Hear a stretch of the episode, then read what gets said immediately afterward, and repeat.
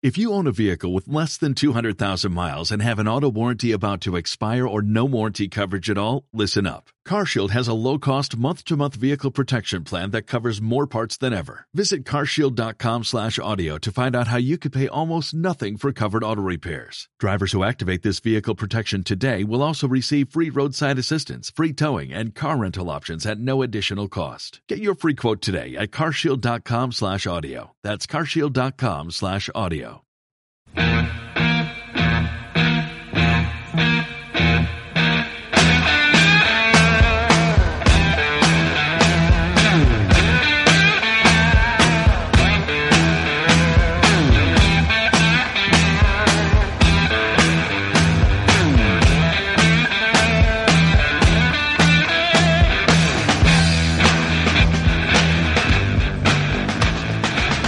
La Milícia, un podcast per preparar els combats que venen. Benvinguts a La Milícia. Us parla un dia més Josep Asensio, des de Vilanova i la Geltrú. Avui, sobre les protestes que s'han anat produint a diverses ciutats xineses arran de les polítiques de Covid-0 del govern del Partit Comunista. Ho vam gravar amb Miquel Vila el divendres 2 de desembre i des d'aleshores ja hi ha hagut alguns moviments per part de les autoritats per tal de relaxar les restriccions. En Miquel, politòleg i especialista en el món xinès, té una mirada molt neta sobre tot el que passa allà. Sap diferenciar els fets d'allò que alguns voldrien que hi passés i, a més, ens pot explicar detalladament què ha significat la política de Covid-0 en un país que viu la pandèmia com si encara estiguessin a l'any 2020. Encara que ens costi d'entendre, el que passi a la Xina és capdalt per saber per on va el món, ja que, com hem vist els últims mesos, un petit terratrèmol a l'Àsia pot comportar conseqüències molt severes a casa nostra. A més, el descontent del poble xinès, si es convertís en una amenaça, podria fer virar la política exterior dels seus governants de maneres que de moment només ens podem imaginar.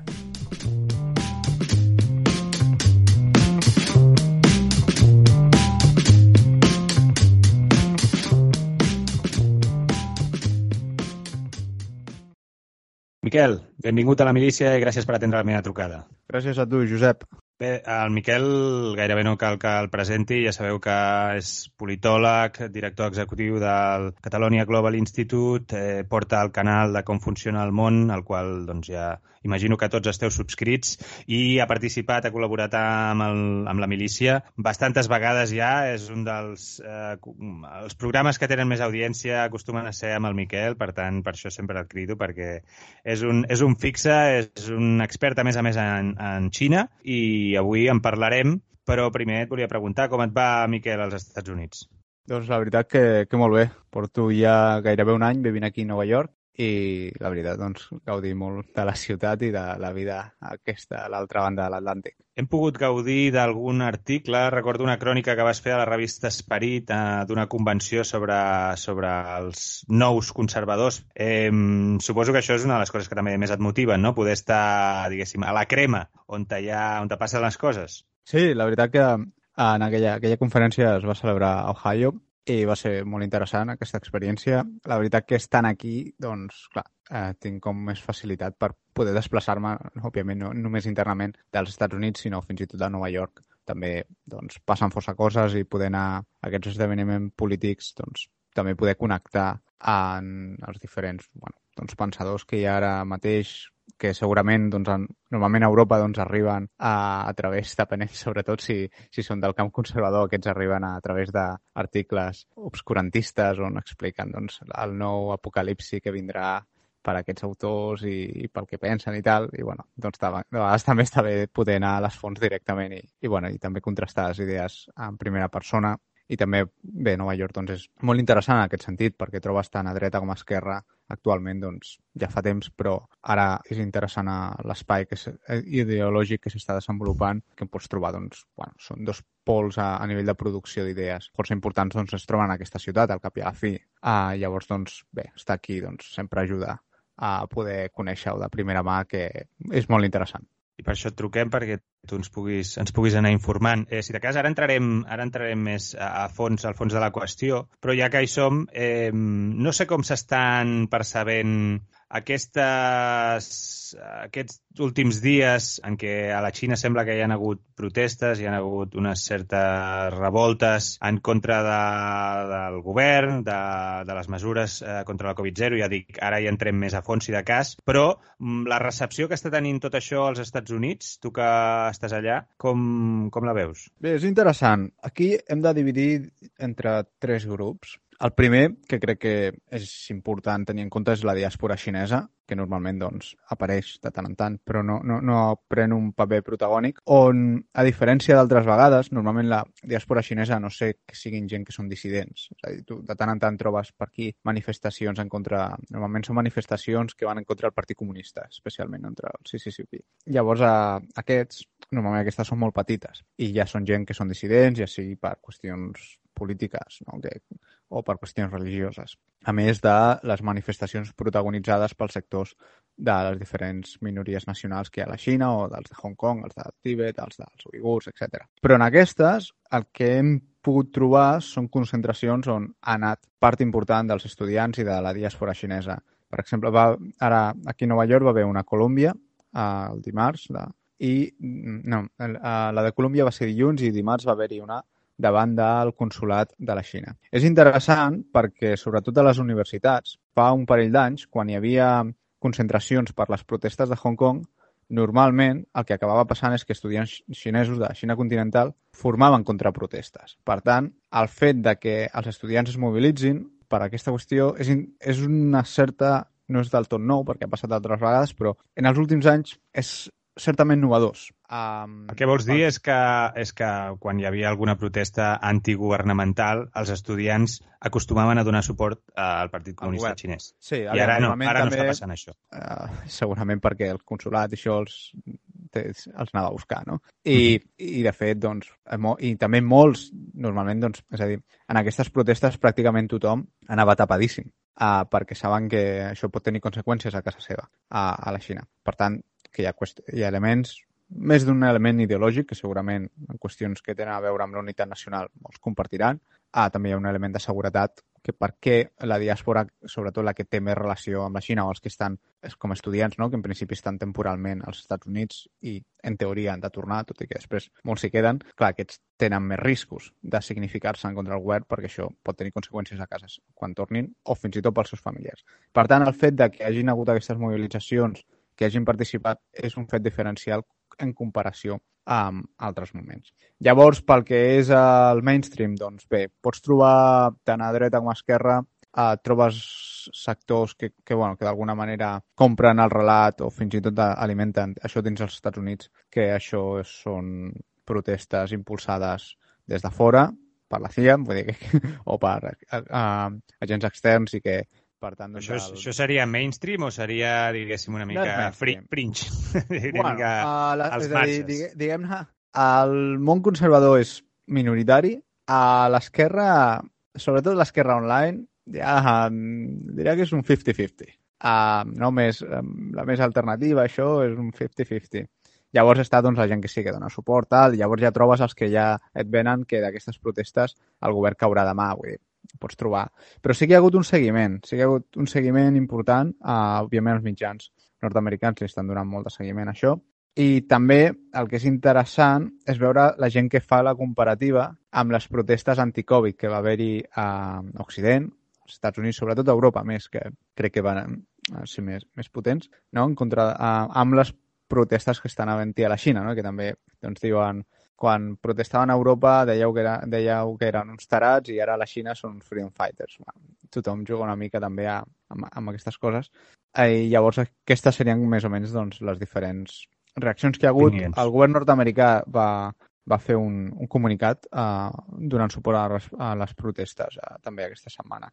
Llavors, eh, ara sí, posem ordre a la conversa, que, que he començat així. Pel... Bé, m'interessava, crec que és, és, és interessant això que dius sobre la reacció, la resposta que està tenint als Estats Units, però anem, diguéssim, al, al, al cor de la qüestió, que és que eh, fa uns dies van començar unes protestes en diferents punts de la Xina, si de cas ara ens ho detallaràs exactament a on i a on s'origina, que tenen a veure amb les polítiques, eh, amb les restriccions que es coneixen com a política de Covid-0, és a dir, que, no, que, que, que el Covid no es pugui transmetre sota cap circumstància i això eh, vol dir doncs, que si hi ha d'haver un confinament perimetral d'una ciutat de 5 milions o de 10 milions, doncs es fa i ningú surt i, i, i s'ha acabat, no? I això és una mica el que, almenys el que, el que ha arribat aquí. Eh, fins a quin punt té a veure només amb, amb aquestes polítiques de Covid-0 i també es, explica'ns exactament en què consisteixen, perquè eh, de vegades també ens arriben una mica això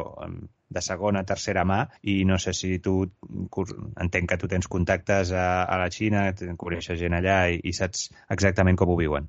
Aviam, comencem per la política Covid-0 i fem una mica eh, de recapitulació de, de uh -huh. la mhm. pandèmia a Xina, no? que aquí a Occident la pandèmia ja ens sembla que sigui una cosa del passat, fins i tot ja ens hem oblidat. Sí, això, això és acollonant, eh? És, és un tema, diguéssim, un parèntesi, però...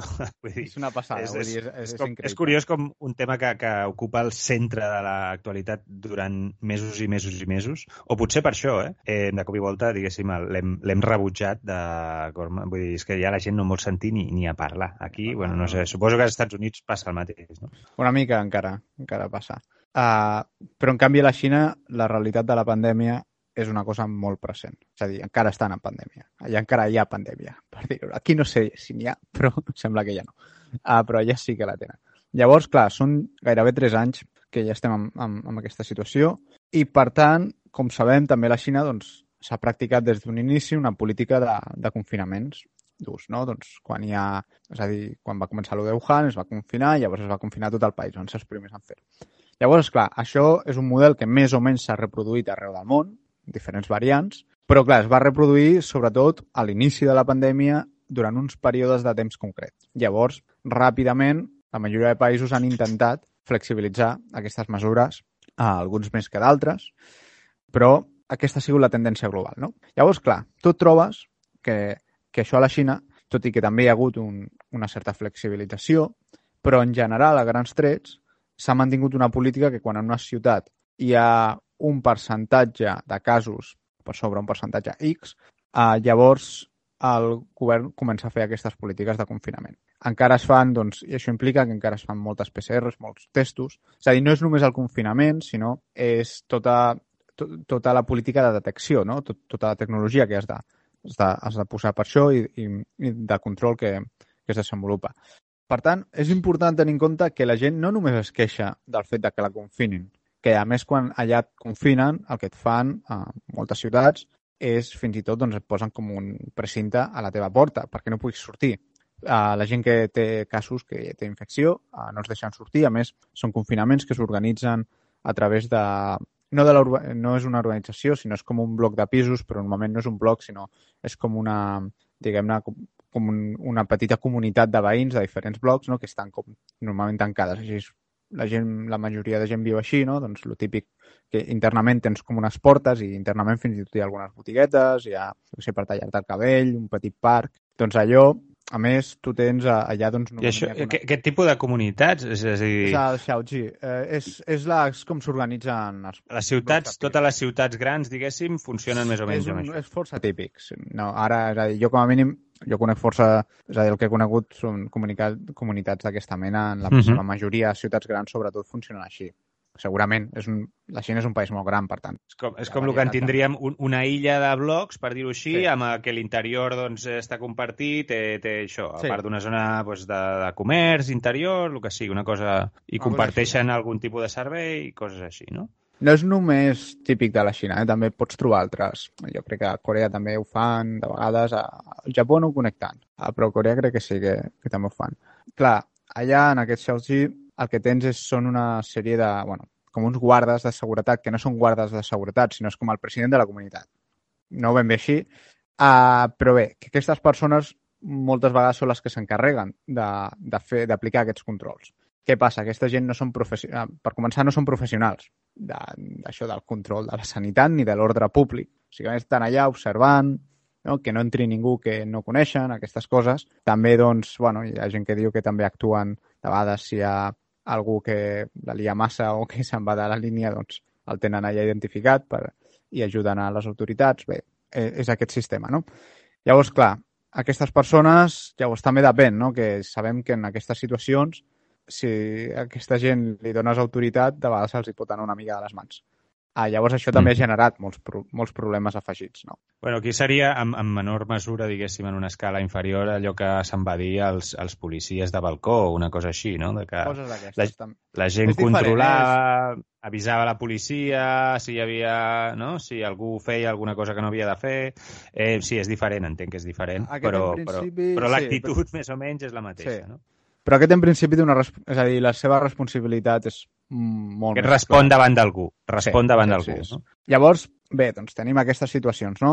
Clar, a més, eh, de vegades doncs, et fan els testos de matinada, perquè és quan poden assegurar-se que, que tothom d'aquella comunitat està allà. Doncs imagina't que la gent no li fa gaire gràcia que l'aixequin a les 2 o les 3 del matí per fer-li una PCR. Pots imaginar que no els hi fa gens de gràcia. Tot això, de forma inter intermitent, Llavors, és que hi ha molts casos que, és que hi ha moltes coses que poden explicar. Gent que potser estava en un bar, en un restaurant i que els va... hi havia algú que tenia un cas i això va ha passat a Shanghai i els confinaven allà o no els deixaven sortir perquè els enganxaven i, i no sé, hi havia vídeos d'una noia que portava com 3 o 4 dies dormint a un lloc de hotpot i menjant hotpot durant 3 dies i la noia ja estava que ja no sabia què fer amb la seva vida. Després tens casos més, un, situacions més dures, que és la gent que eh, els hi fan això, testos random, jo que sé, un centre comercial, a la feina, etc, donen positiu i els porten cap a centres de confinament. I els fiquen en un autobús, els porten allà, de vegades, doncs, eh, sense, òbviament, sense roba, sense res propi, i potser ja s'han d'estar dues setmanes per a veure si tenen símptomes. Clar, això és la política de Covid-0, és, és el que ha anat passant. A, a més de el que surt més, doncs, confinaments, no? Primer es comença a confinar a Shaoxi, llavors, es, si hi ha molts casos, doncs es va confinant doncs, tot el barri, fins i tot la ciutat, no? De vegades es va escalant. Uh, pel que he llegit, li, crec que uh, parlant de les mateixes, els noms de les variants, crec que són, fan, han fet servir Delta i Omicron, crec que ja tenen uh, la que estan parlant, si no m'equivoco, és Omicron, uh, llavors no sé ben bé si, si és una Omicron diferent de la que tenim aquí o no. No crec que sigui el tema de la, viru de la virulència de la variant. No, no crec que aquesta sigui la, la variable uh, fonamental per entendre el perquè d'aquesta política i la racionalitat d'això. Doncs explica'ns explica el perquè d'aquesta política i, i què hi ha darrere. Per què, per què volen, diguéssim, per què no, no, ten, no volen prendre cap risc eh, sobre bueno, que s'expandeixi el virus de cap manera? Aquesta és, és la gran pregunta que moltíssima gent eh, que tothom es fa i que fins a cert punt les respostes a mi no m'acaba de convèncer cap eh, de les que podem trobar eh, i de les que jo mateix et puc donar. Però bàsicament trobem dos grans hipòtesis. Una, que és la que diu que el sistema sanitari xinès no és capaç d'assumir el nivell de mm, contagis que pot fer que podíem assumir doncs, els països occidentals. A, a més, que la vacuna xinesa té una efectivitat menor que les que tenim aquí, que és, seria al voltant del 70%, i hi ha hagut també un nivell de vacunació menor, també per qüestions de desconfiança de la vacuna, tot i que no està tan malament ara ja. Vull dir, el govern s'ha posat molts esforços amb això. Aquesta combinació fa que alguns estudis que han sortit es calcula que si s'acaba amb la política Covid-0 hi hauria al voltant entre 1 o 2 milions de persones que segurament doncs, moririen a, ah, degut a, a la Covid-19 a la Xina actualment. Clar, Quina és la crítica que es pot fer això? Hem estat així tres anys. En tres anys el govern xinès no ha tingut capacitat de desenvolupar millor la seva infraestructura sanitària en tres anys. És a dir, quan sí que ha sigut capaç, per exemple, de construir de forma molt ràpida molts d'aquests centres de confinament que parlàvem abans. Per tant, clar, fins a cert punt hi ha una qüestió de... Potser és cert que no tenen aquesta capacitat d'infraestructura, però també la pregunta comença, la, potser és el moment de preguntar-se per què no s'ha desenvolupat més. És a dir, es pot entendre que això passi l'any 2020, a l'any 1, però ja ha passat força temps. Llavors, la segona, hi ha la típica explicació. Bé, com tenim, que és el govern de la Xina, que té una tendència, no? És, per, per la seva filosofia de governança, doncs, davant de qualsevol problema, la resposta és més control social. doncs sembla que això de la Covid-0 doncs, ja és un tipus de política que, eh, li va, que li va bé i, per tant, doncs, entra dins la seva lògica de com s'estableix la, la societat no? i de com es controla eh, i com es governa aquesta societat. Perquè s'entén que els costos que podrien haver-hi d'aquests morts generarien políticament doncs, una, uh, una sèrie de, de costos uh, cap al govern no? que generarien major inestabilitat que el que es pugui produir degut a la política de Covid-0. Aquestes són com les dues grans hipòtesis que més o menys funcionen o, bueno, o es plantegen, tot i que, ja et dic, cap de les dues em sembla convincent, però crec que amb dues doncs, tenen part de un, punts vàlids. Clar, eh, jo me'n recordo al principi de tot, és que ara no me'n recordo si era el Bruno Massaes, el nostre amic Bruno, que, que ha, ha anat eh, degenerant una mica els últims mesos, però al principi de tot de la pandèmia, ell venia a dir l'actuació dels països respecte a la pandèmia haurem d'esperar uns quants anys per poder fer la comparació, perquè jo recordo que al principi la Xina era un exemple d'èxit de fet, vull dir, tu ho estaves explicant, no? Eh, la construcció d'infraestructures en un tres i no res, eh, no? aixecar hospitals a zero, inclús eh, en una mena de, de diplomàcia no? d'aquesta de, d'enviar mascaretes, d'enviar... de fer això, eh, el que en diuen el poder tou a través de, de la pandèmia, eh, sent proveïdor d'equipament, etc a diferents països europeus, per exemple, com Itàlia, diria, i en canvi, segons la teva primera hipòtesi, o aquest, diguéssim, dels dos grans grups, la, la primera és que hi ha una certa incapacitat, és a dir, que això en realitat podia funcionar si el, la durada era curta, però a llarg termini això els ha acabat erosionant molt. Però, per altra banda, respecte a la segona hipòtesi, hi ha una cosa que també em, em genera uns certs dubtes, o en, en general, no només de la segona, però en aquest dibuix que has fet tu, que és que el relat que surt, no? el relat que sortia al principi de tot era guaita la Xina, eh, sí que és veritat que no és un país democràtic, però eh, a la seva manera, diguéssim, de, de tenir un cert control social, pot fer, pot lluitar contra fenòmens d'aquest estil que són inesperats, que són eh, globals, que afecten a la societat en, en, en, en, en general, no? que mm, amb les seves eines de, de jerarquia, d'autoritat, de centralisme, per dir-ho així, podia gestionar-les molt millor que altres països occidentals. I aquest relat, eh, que era una mica... Mm, també li anava bé a la Xina a nivell extern, però també a nivell intern, no? a nivell domèstic, m'imagino, per, per poder dir, guaita, mireu al món que malament que ho estan fent els altres i en canvi nosaltres ho estem fent molt bé.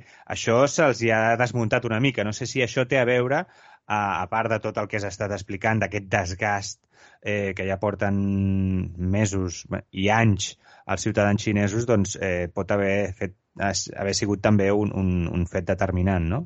Sí, aviam, uh, segurament cert triomfalisme, el triomfalisme no ajuda gens. Normalment, és a dir, l'altre dia llegia per Twitter que els que abracen el triomfalisme sempre s'acaben cremant. No sé d'on l'ha tret, però bueno, crec que és força sàvia. Uh, I a part d'això, diferenciem dues coses, perquè aquí també de vegades ens confonem. Una cosa és la capacitat que té l'Estat d'actuar i altres estats de, que, tenen, que han tingut molta capacitat d'acció molt major que alguns estats occidentals en el principi, que també de l'Àsia, que, no, que no tenen el mateix sistema polític que la Xina i que no han aplicat les mateixes polítiques. Aquí són coses diferents. És a dir, una cosa és la capacitat d'actuar davant d'una excepcionalitat, com és el Covid-19 l'any 2020, però una altra cosa és com actues davant d'una normalitat. És a dir, el Covid-19 l'any 2020 no és el mateix que el Covid-19 l'any 2022, perquè mm -hmm és a dir, ja està aquí. Vull dir, per nosaltres, ara el Covid doncs, és una grip una mica forta. En aquell moment, alguns deien que era una grip una mica forta i s'equivocaven, no? Però ara sí que ho podem dir. Llavors, això són coses diferents. Després, que el sistema sanitari xinès tenia problemes, això se sabia, eh, ja es deia, és a dir, sempre s'ha dit. Una altra, és, a dir, una cosa és que el govern tingui capacitat de mobilització social, d'execució, de dir, tu, ningú surt i ets capaç de, de fer això o de trucar a una fàbrica i dir tots els ventiladors aquests me'ls emporto i, i ja em passa, em passa amb la factura i, ja, i que Déu t'ho pagui. Uh, que això, de fet, els estats occidentals han pogut fer quan han volgut fer-ho també. Eh? Això és una cosa. Una altra cosa és que les infraestructures sanitàries de la Xina estiguessin bé. No estaven bé. Sí que és cert que molta gent, eh, perquè al principi es va dir, bueno, això està passant a Wuhan i a la Xina, el confinament i tal, perquè la seva... Això ja es va dir i molta gent ho va descartar molt ràpid. No? Va dir, no, no, això és simplement una crítica barata a la Xina, que no. Bueno, és una mica més complexa eh, aquesta situació. Llavors, aquesta és, és la realitat, no? És, és a dir, en un principi el, el sistema, l'estat xinès va tenir capacitat per executar polítiques, el problema és la seva incapacitat per ajustar-les, on la seva és a dir, i, i a més, perquè el tipus de política que han fet, clar, al final et poses en una mena de... És un forat que mai s'acaba, no? Perquè, perquè contra més trigues en sortir de la Covid-0, els costos de sortir-ne poden ser més elevats, també. Llavors, clar, fins a cert punt el, el govern va prendre una... És a dir, va prendre una decisió entre dos horitzons i que ara, a llarg termini, sembla que és la que no és tan bona. No sé, potser d'aquí dos anys acabem trobant que la Covid muta i llavors el fet d'haver-la tingut en el passat, jo què sé, m'ho invento, eh? no, no, no, uh, doncs et fa encara més vulnerable i en canvi i llavors Occident, que com tots l'hem passat, doncs serem més vulnerables i els xinesos, en canvi, que menys l'han passat, seran més invulnerables. No ho sabem, m'ho invento, és, és un escenari que potser no sé ni si és possible científicament això que passi. És una, això és una batalla a llarg termini, és a dir, és, uh, és una cosa a la llarga que veurem qui, qui és el guanyador de la Covid-19, de la pandèmia, no ho podem saber ara. Però sí que és cert que hi ha uns altres costos que podem parlar més de, de per què la Xina sembla que el govern no ha tingut tant en compte els costos que van més enllà de la gent morta. Els costos de... econòmics, no? Clar, i, i socials i psicològics. Eh? Que jo crec que això sí que té a veure amb la ideologia i amb la concepció de, que té, que té el, el partit de, del que és una bona vida. Clar, una de les coses que també posant-nos una mica, ara ja no dos anys enrere, bueno, perquè ja en farà tres, és veritat. Potser sí, uns dos anys enrere, no? a principi 2021 més o menys, es deia la Xina s'està recuperant abans que els països occidentals perquè ha reaccionat mm, més, més eh, ara em surt la paraula violentament, però no és aquesta, més, eh, diguéssim, no. Sí, de forma més contundent, ha pogut aturar més eh, el, el, el primer brot, diguéssim, la, la primera sacsejada, i ara pot tornar a fer funcionar l'economia. Però, clar, eh, si això ho agafes, diguéssim, amb el dibuix més, més ampli, veus que, clar, contínuament han hagut d'anar aturant la cadena, diguéssim, la, la producció. Eh, tot això ha anat, també ha tingut els seus costos a nivell, diguéssim, de la cadena de subministrament global, que això ho has explicat molt bé al teu canal de YouTube, a com funciona el món diverses vegades i que al final doncs, ho hem patit tots i encara ho estem patint, de fet. Però ara sembla que eh, ara és al revés, eh, diguéssim, ara sembla, tot i que a nivell global no hi ha cap país que diguis, potser els Estats Units és una mica l'excepció, però Europa també està bastant, està bastant malament i els altres països de l'OCDE tampoc no n'hi ha, no ha gaires que, que, estiguin, que treguin gaire al cap. Sí que és veritat que la Xina, que era el motor econòmic mundial, eh, està, diguéssim, no, no, no, no veu aquest horitzó que deies tu en el qual eh, puguis recuperar els nivells de creixement que havia tingut fa 5-10 anys, no? Sí, bé, això, és, això està, estava ja descartat pre-Covid, vull dir, a l'època de l'explosibilitat econòmica de la Xina que vam veure, vull dir, un país no pot estar creixent al 10-20%, no, 20% no, potser m'he passat aquí. Però, no, però és que ara no creix ni al, ni al 3 gairebé, ni no? 3, és a dir, que ja el creixement era, era massa. Ara, això és, és, és el que dèiem, vull dir, quan la gent estava dient, la Xina ja s'està recuperant, allò va ser triomfalisme. És, és com quan la gent deia, oh, no, el 2021 ja ens estem recuperant de, de la pandèmia i després va venir tota la història de, de la inflació. Vull dir, això és, és una de les coses de pitjor, vull dir, els mitjans de comunicació i, bueno, això és nefast, però és una cosa que passa aquí i passa a la Xina també, perquè hi ha aquesta competència global també de que tothom ha de demostrar que ho està fent molt bé quan realment, com bé ara tu deies, estem, davant, estem en un context que jo dic de potències esgotades. No hi ha cap país al món avui dia que estigui bé. I, i, i no només que estigui bé en format real, fins i tot simbòlic. No és com, jo què sé, després de la Guerra Freda tenies la URSS i els Estats Units i fos cert o no, en dos podien treure pit i que anaven endavant i que hi havia aquesta tota filosofia d'aquest, no? Doncs són les dues potències del futur, tal, tal, no sé què. Avui dia això, qui més, qui menys, té algun problema. La Xina fa 10 anys era la potència del futur avui dia realment ni, l'Enric Julián encara parla en aquests termes, però clar, és una persona que també, eh, el, des de ara que s'ha interessat per la geopolítica, doncs ho fa encara pitjor que quan parla de, de la política nostrada, però bueno, deixem, no entrem en aquest tema. Llavors, clar, no estem així ja. Per tant, és relativament normal i el que està, li està passant a la Xina, l'altre dia parlava a, amb un amic que m'explicava que, clar, els xinesos estan mirant el Mundial. Tu veus el Mundial i què veus? Doncs pues gent allà, no?, a Qatar, que estan sense mascaretes, abraçant-se, és a dir, celebrant els partits, i clar, i en canvi els xinesos com estan? Doncs cada dos per tres ciutats confinades, uh, una altra vegada, mascaretes, testos, etc. Doncs clar... Sí, me'n recordo, perdona que t'interrompi, però és que és la mateixa sensació que teníem nosaltres quan hi va haver algun partit, em sembla la Lliga Coreana o alguna que, que deies, hosti, aquesta gent uh, estan, van al camp sense i, i me'n recordo que aquí estàvem allò encara amb tots amb mascareta, dir, amb aquestes coses, i sí, és una sensació bastant fotuda, perquè penses, no sé, estem fent el tonto o és que aquí som més tontos que els altres o com, com funciona això? Sí, o que els, és a dir, clar, arriba un moment que l'argument del govern era és que els occident, fora de la Xina s'estan arriscant massa, no, uh, no, no ho fan bé, vull dir, ja, ja, ja, ja els arribarà el seu moment amb això que estan fent el Covid, s'estan esbarant massa.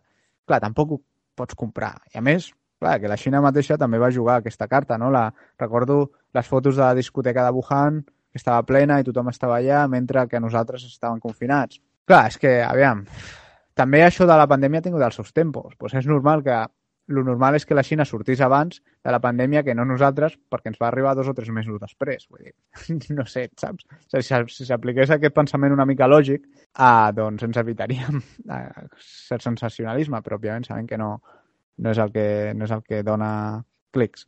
Per tant, aquesta és la situació que es troben ara. Clar, ara ja han passat tres anys, és, més, és a dir, jo veig molt més difícil que hi hagi un rebrot a fora de la Xina que ens fes a nosaltres tornar a confinar-nos i que això pogués vindicar la política que està fent la Xina actualment que no fa un any, ai, no, que no fa dos anys o tres anys, no?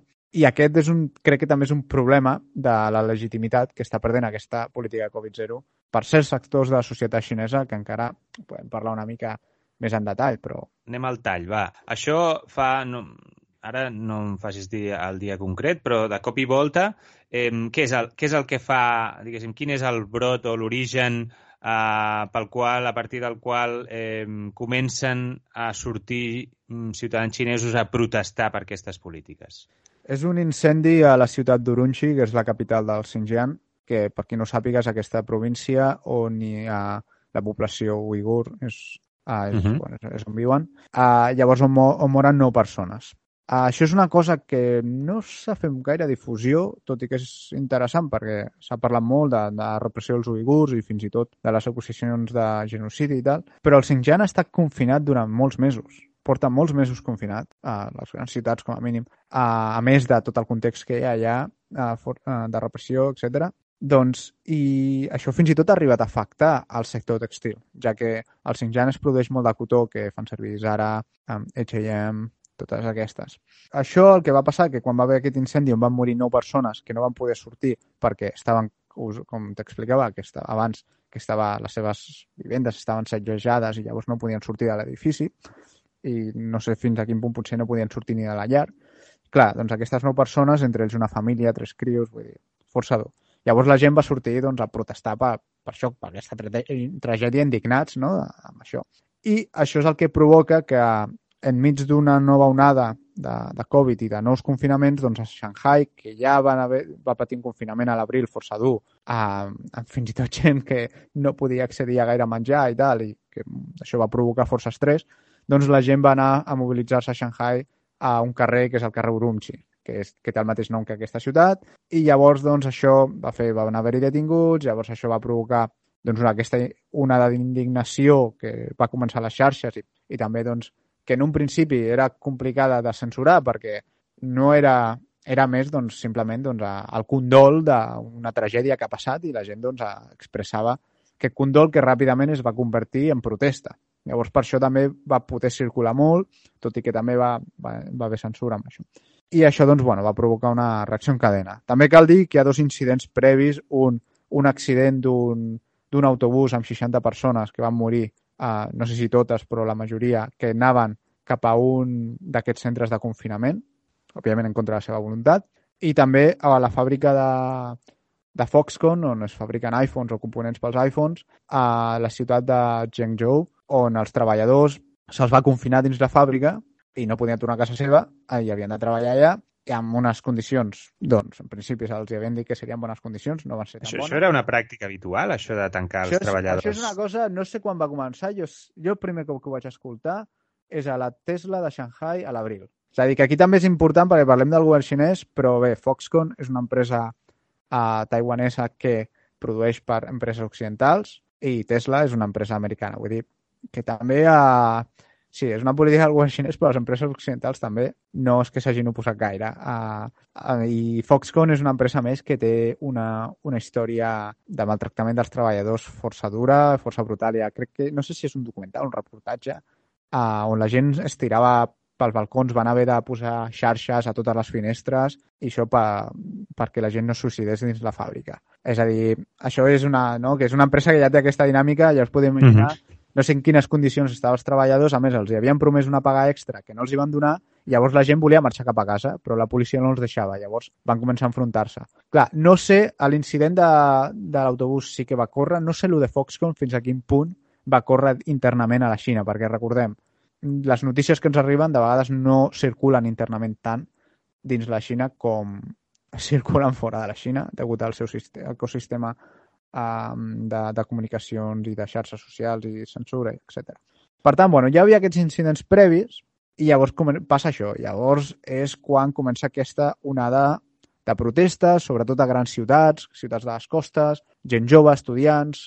Sí, quin, quin és el perfil? El perfil sociològic, diguéssim, de, del, del protestant, a veure, normalment amb les protestes sempre hi ha gent jove, això gent és... jove, sí, és, és a dir, clar, és que... Sí, estudiants, això és, és lo normal. Difícilment la gent gran surt a protestar, els pobres. Uh, però la majoria de gent, pel que sembla les fotos, per lo que es diu, gent jove, gent afectada, uh, els, les, els epicentres és sobretot a la, a la costa de, de la Xina, que són les ciutats més, més riques, més modernes, on segurament, doncs, clar, la gent ha, l'impacte segurament de la Covid-0 doncs, és més dur. Clar, ciutats com Shanghai doncs, les mates, bàsicament. Vull dir, una ciutat com Shanghai li, li fots el Covid-0 i és que no, no és el mateix, no? La, la, la vida, l'essència de la ciutat es perd, no? no? Llavors, clar, que ja porten, ja estan cansats d'aquesta situació i, clar, a nivell de comerços, de, de restaurants i això doncs, també estan superafectats per aquests temes. Doncs, per ara és això, aquest perfil. També cal dir que són protestes... La Xina és un país immens, són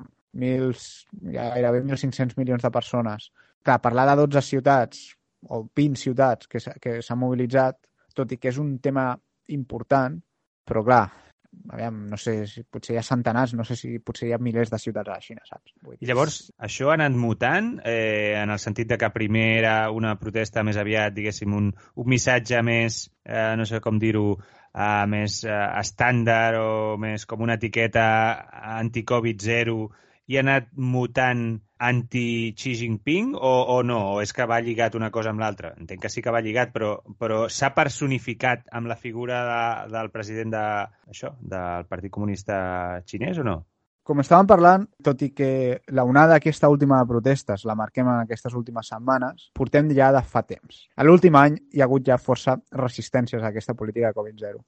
Per tant, clar, no és que, des, és a dir, no és que de sobte la gent hagi fet el canvi de xip, és que potser les primeres protestes a Shanghai que van haver-hi a l'abril, jo no vaig llegir o no vaig veure que es parlés gaire de crits en contra del partit o en contra del Xi Jinping. Clar, quan tu ja vas queixant i veus que no tira, doncs al final doncs vas pujant més a dalt, no? Certs sectors de la població, potser de la gent que s'ha mobilitzat en protestar, sí que han fet aquest, aquest salt de criticar la política Covid-0 a criticar el sí. Per què? Perquè normalment la Xina és un país on, tot i que no ens ho, puguem, no ens ho imaginem, hi ha força protestes. És a dir, és un país gran, és impossible que no n'hi hagi. Però normalment aquestes protestes es queden a l'àmbit local o a l'àmbit provincial. I normalment es fa el joc de... La gent pensa, hosti, si la gent, si el Xi Jinping sapigués el que està passant aquí, vindria i, fotria, i posaria ordre. Però què passa? Quan estem parlant d'una política que es dona a diferents, es dona a nivell nacional, on les queixes no és a una sola ciutat, sinó que són a diferents províncies, Clar, llavors no li pots fotre la culpa. No és culpa de que l'alcalde de Shanghai ha fet una cosa malament o el cap de la província no ha fet alguna cosa bé. És a dir, clar, perquè si, si és un, ho pots fer, però quan són tot, totes les províncies o un grapat de províncies, llavors aquí el que falla no és a nivell local, sinó que és a nivell nacional. Llavors, a més, el propi Xi Jinping, el, ell mateix, s'ha vinculat molt amb aquesta política Covid-0. Per tant, és difícil que pugui dir no, això és culpa de que el de Shanghai no l'aplica bé Bueno, és que no l'aplica bé el de Shanghai, no l'aplica bé el de Beijing, no l'aplica bé de Shenzhen, no l'aplica bé cap. Llavors, s'entén que hi hagi a, a, a, aquesta pujada de nivell i el fet de que trobem una certa solidaritat a nivell nacional, un cert moviment, no un moviment, és que és, no, perquè no hi ha reorganitzat, no? però sí que hi ha una certa onada a nivell nacional, doncs clar, fa que naturalment la queixa no vagi ja adreçada només a les autoritats locals, sinó que vagi fins i tot al sí, i fins i tot a posar en qüestió el partit. Vull dir, no sé fins a quin punt, perquè clar, aquí veiem vídeos, no sé fins a quin... És, a dir, és difícil saber uh, si tothom que està protestant es queixa, vol un canvi de règim i vol que, hi ha, que la Xina, que el Partit Comunista caigui. Puc posar el foc que no, o que potser ho pensaran, no ho sé, però que estan allà segurament pel tema Covid-0, però òbviament té una derivada a la legitimitat de, bueno, la figura del president, perquè al final és una política que ell s'ha fet seva. Clar, hi havia un, un, un, bueno, un seguidor de Twitter, un tuitaire, que ens preguntava també eh, ens preguntava dues coses. Eh, bueno, de fet, tres, però una jo crec que ja hem, que l'hem respost, que sí, si aquestes protestes poden tenir a veure amb el fre econòmic, com que ja hem comentat que és un dels aspectes que, que segur que, que hi tenen a veure. No? Les altres dues és Eh, quin és el límit que l'autocràcia xinesa està disposada a sostenir en aquest assumpte? Suposo que es refereix, eh, de moment, mm, clar, si la cosa tampoc no s'acaba expandint massa, m'imagino que bueno, hi ha un wait and see, una manera de, vull dir, de moment, més o menys tampoc no, no s'estan no propagant molt, no sé, això ens ho diràs tu. I l'altre és, seria verosímil pensar en unes protestes atiades des del mateix poder per poder justificar rebaixar polítiques Covid-0 i jo això ho interpreto una mica en el, en el sentit no. que tu deies de... Eh, no? Perquè com que deies que Xi Jinping s'havia identificat ell eh, amb, amb, aquesta, amb aquesta política de Covid-0 eh, l'única manera, potser l'única justificació que tindria, o això, al contrari, es veuria com un senyal de debilitat, no? si ara es tirés enrere. Pensem en termes polítics. Uh, de vegades de, les coses no són tan compli no ens compliquem la vida eh, perquè de vegades parlem de temes econòmics, de temes així molt esotèrics.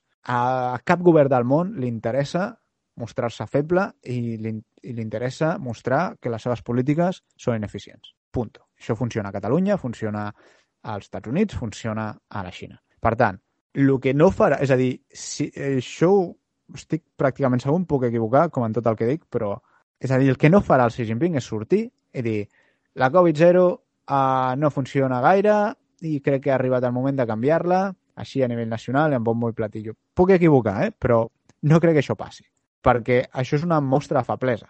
I és més, és molt perillós, perquè si la gent atribueix que això ha sigut degut a les protestes, t'està donant l'incentiu a protestar més. De fet, això mm -hmm. és mhm. una cosa que algun dia hauré de quantificar-ho a fer una base de dades o alguna però en els últims anys em fa l'efecte que, els, que quan hi ha protestes, els governs que cedeixen tenen moltes més possibilitats de caure, és a dir, que caigui, d'haver de dimitir el president o fins i tot de que caigui el sistema en general, que no pas els governs que aguanten i que no fan cap mena concessió.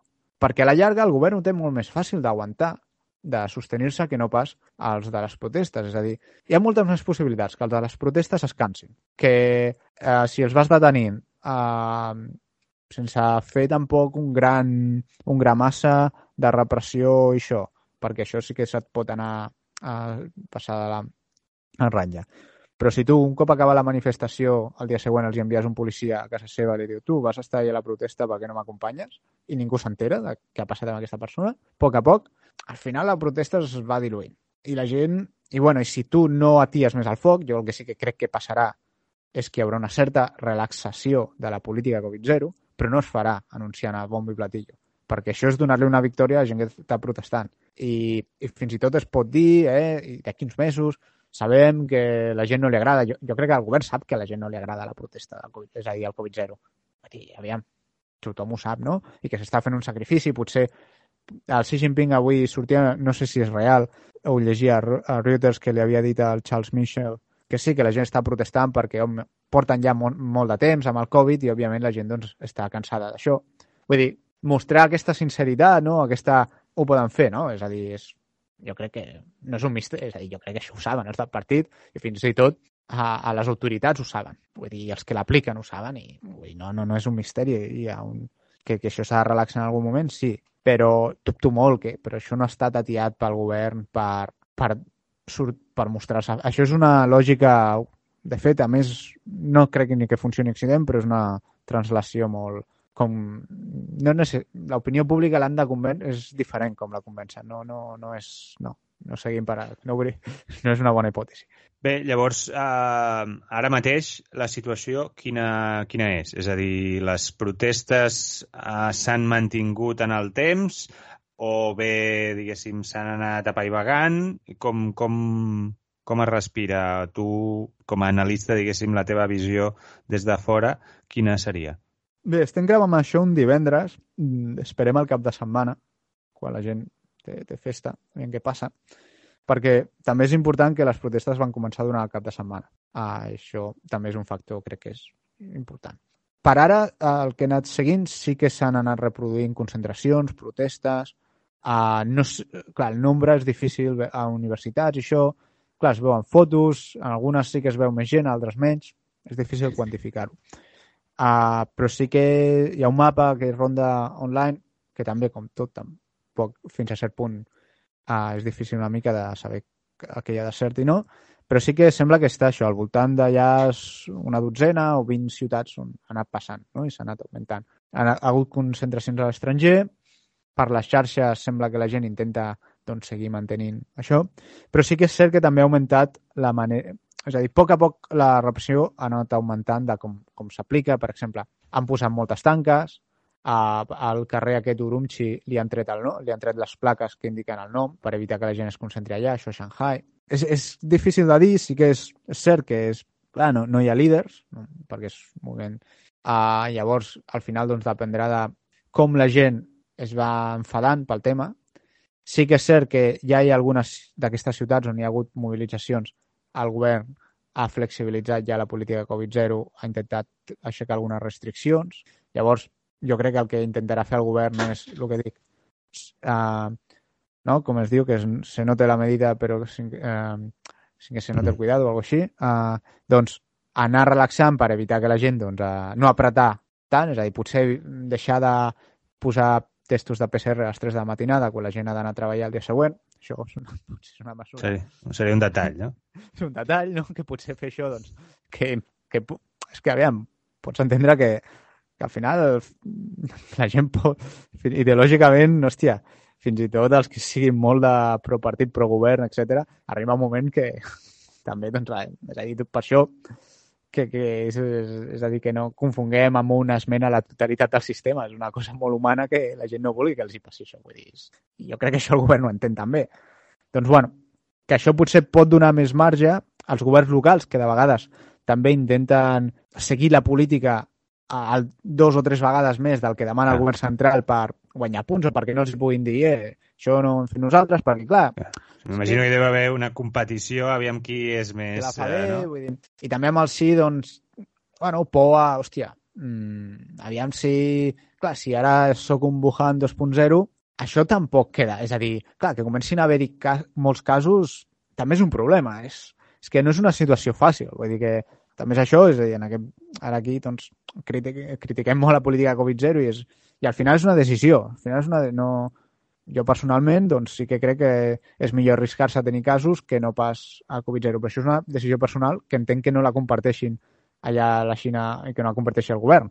Però, clar, bueno, potser, sí. potser els països, perquè anava a dir ara, eh, clar, en un país amb una població de 1.500 milions, que també és més comprensible fer una cosa que l'altra, però a la Índia, en canvi, eh, no té res a veure el que han fet. De fet, allà és com si no hagués existit, no? Vull dir, és una cosa... Morts, vull dir, sí. hi ha hagut moltíssims... No, han assumit. És, és una decisió... Al final, és una... No sé, fins a cert punt, no? el que dèiem abans, com s'entén la vida, com s'entén a, a, a, el que és a això, i llavors, doncs, hi ha països on la Xina, doncs, va assumir, tindrem un munt de morts i ja està, punto.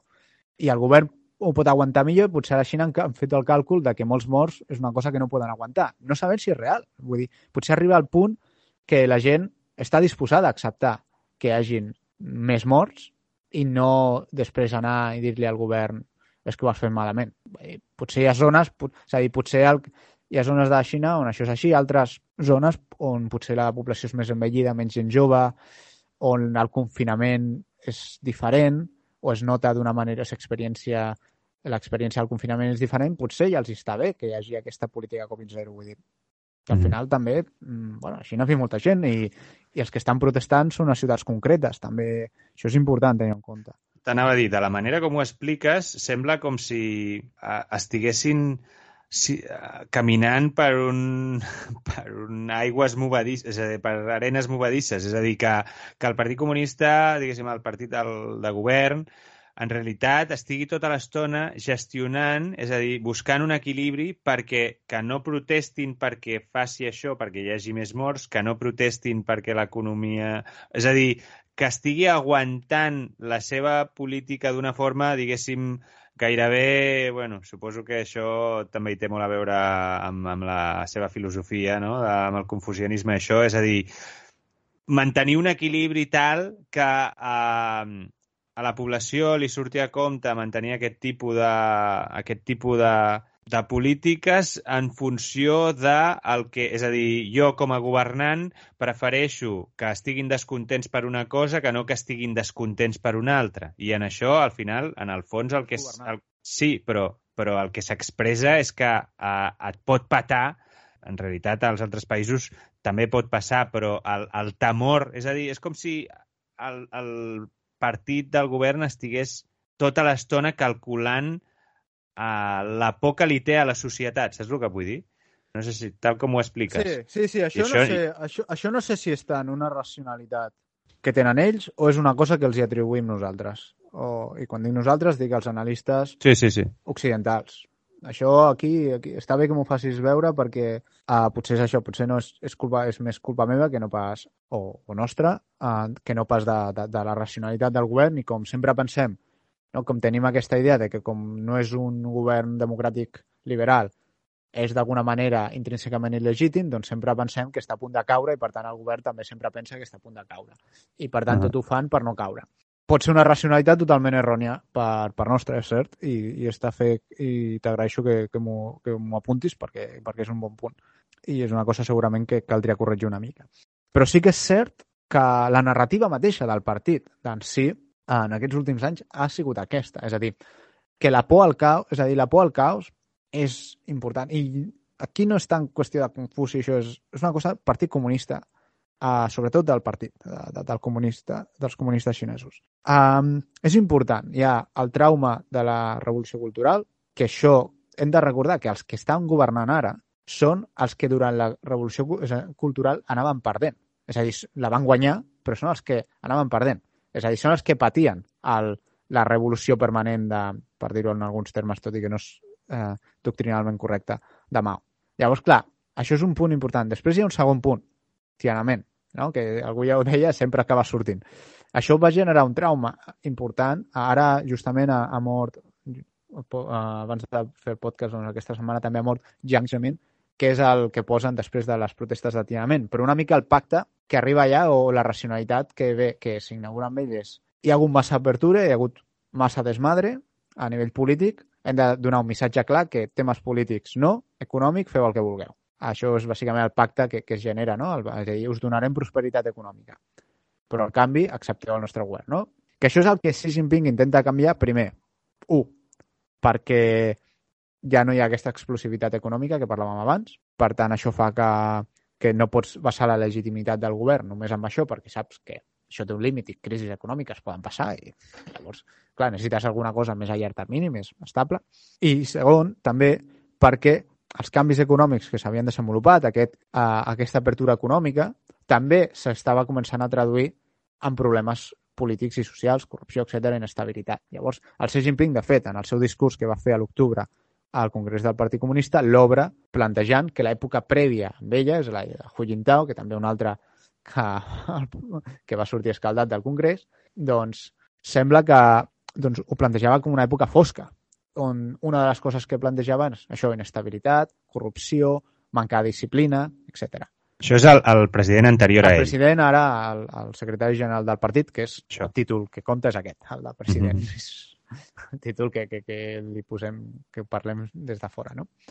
Llavors, fins a cert punt sí que hi ha aquesta racionalitat d'evitar que hi hagi descontrol social. De fet, és un element dins els criteris de la anomenada meritocràcia dins del partit per pujar, el fet de que no hi hagi protestes a la teva ciutat o a la teva o, al, o quan tu estàs al càrrec, al lloc on tens que tu ets responsable, et dona punts. Per tant, no, no, no, no sé si és per la por que caigui el partit, però sí que hi ha un element de que no es vol aquesta certa disbauxa social perquè potser el partit aguanta, però potser el que han construït no? o a nivell de, de grandesa nacional i tot això i de desenvolupament, doncs pot acabar desapareixent si ha, si hi ha massa inestabilitat política. Potser és la racionalitat, no tant per una caiguda imminent del partit. Que, de fet, al final tothom coincideix que no es veu per enlloc, aquesta caiguda. Per tant, per tant és, és curiós. Però, bueno, el propi govern, per les seves polítiques, sí que veiem una certa racionalitat, una por a aquests caus socials, pel motiu que sigui. Clar, en aquest cas ja anirem tancant perquè ja portem hora. més d'una una hora, sí.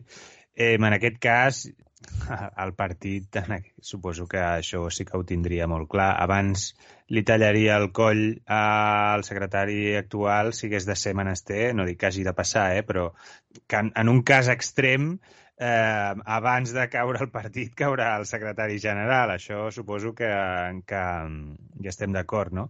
El que, el que volia dir és que no sé si tot plegat, eh, això també s'han fet moltes elucubra- elucubracions, s'han fet moltes hipòtesis, i jo crec que tu ja fas aquesta cara de bé, el que em va preguntar aquest ara, però que fa molt poc que han res, reelegit a Xi Jinping com a, com a secretari general del Partit Comunista Xinès. No sé si eh, hem de veure-ho com una mera coincidència el fet de que al cap de poc temps de que el reelegeixin comencin a aparèixer, tot i que tu ja dius que a l'abril no? i que ja portem una certa, uns certs antecedents, sí que és veritat que en, almenys eh, els que comença a tenir més ressò en s'han produït just després de, de la seva reelecció. No sé si, ja et dic, eh, ho hem de veure com una mera casualitat, no, eh, com, com ho interpretes tot plegat?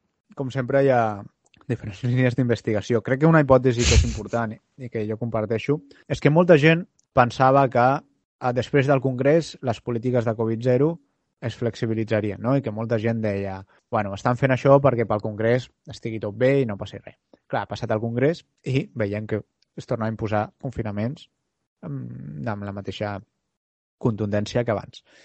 Llavors, clar, hi havia hi ha gent que deia, bueno, perquè com fan al març, que fan com és la sessió parlamentària de, del govern i tal, doncs estan... I clar, ja quan comença així, això és com els, uh, com el procés, no?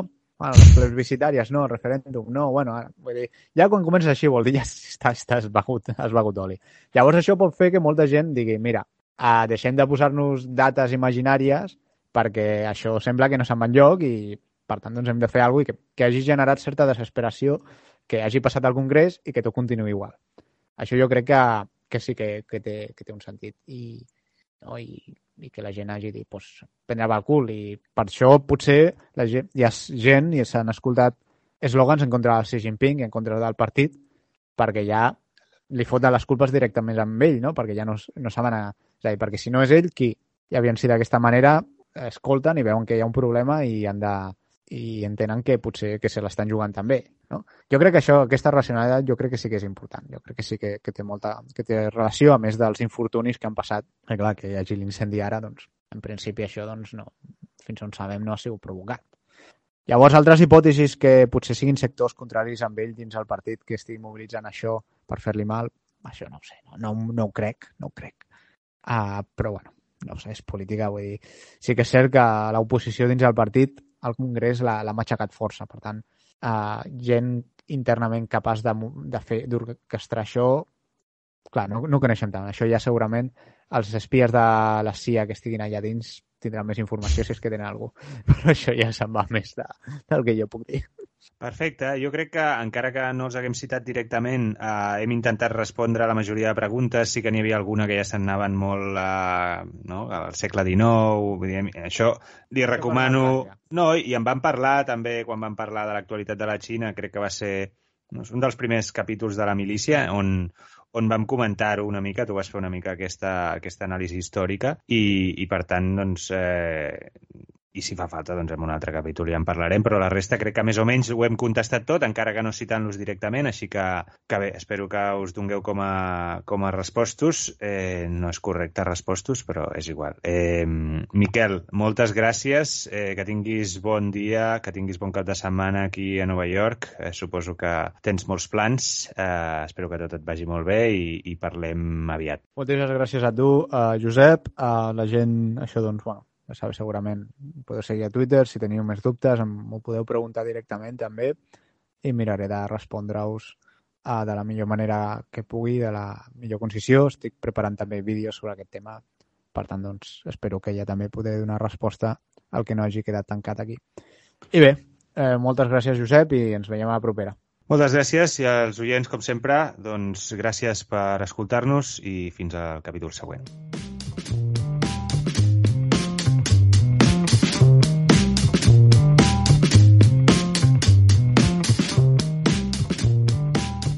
La milícia, un podcast per preparar els combats que venen.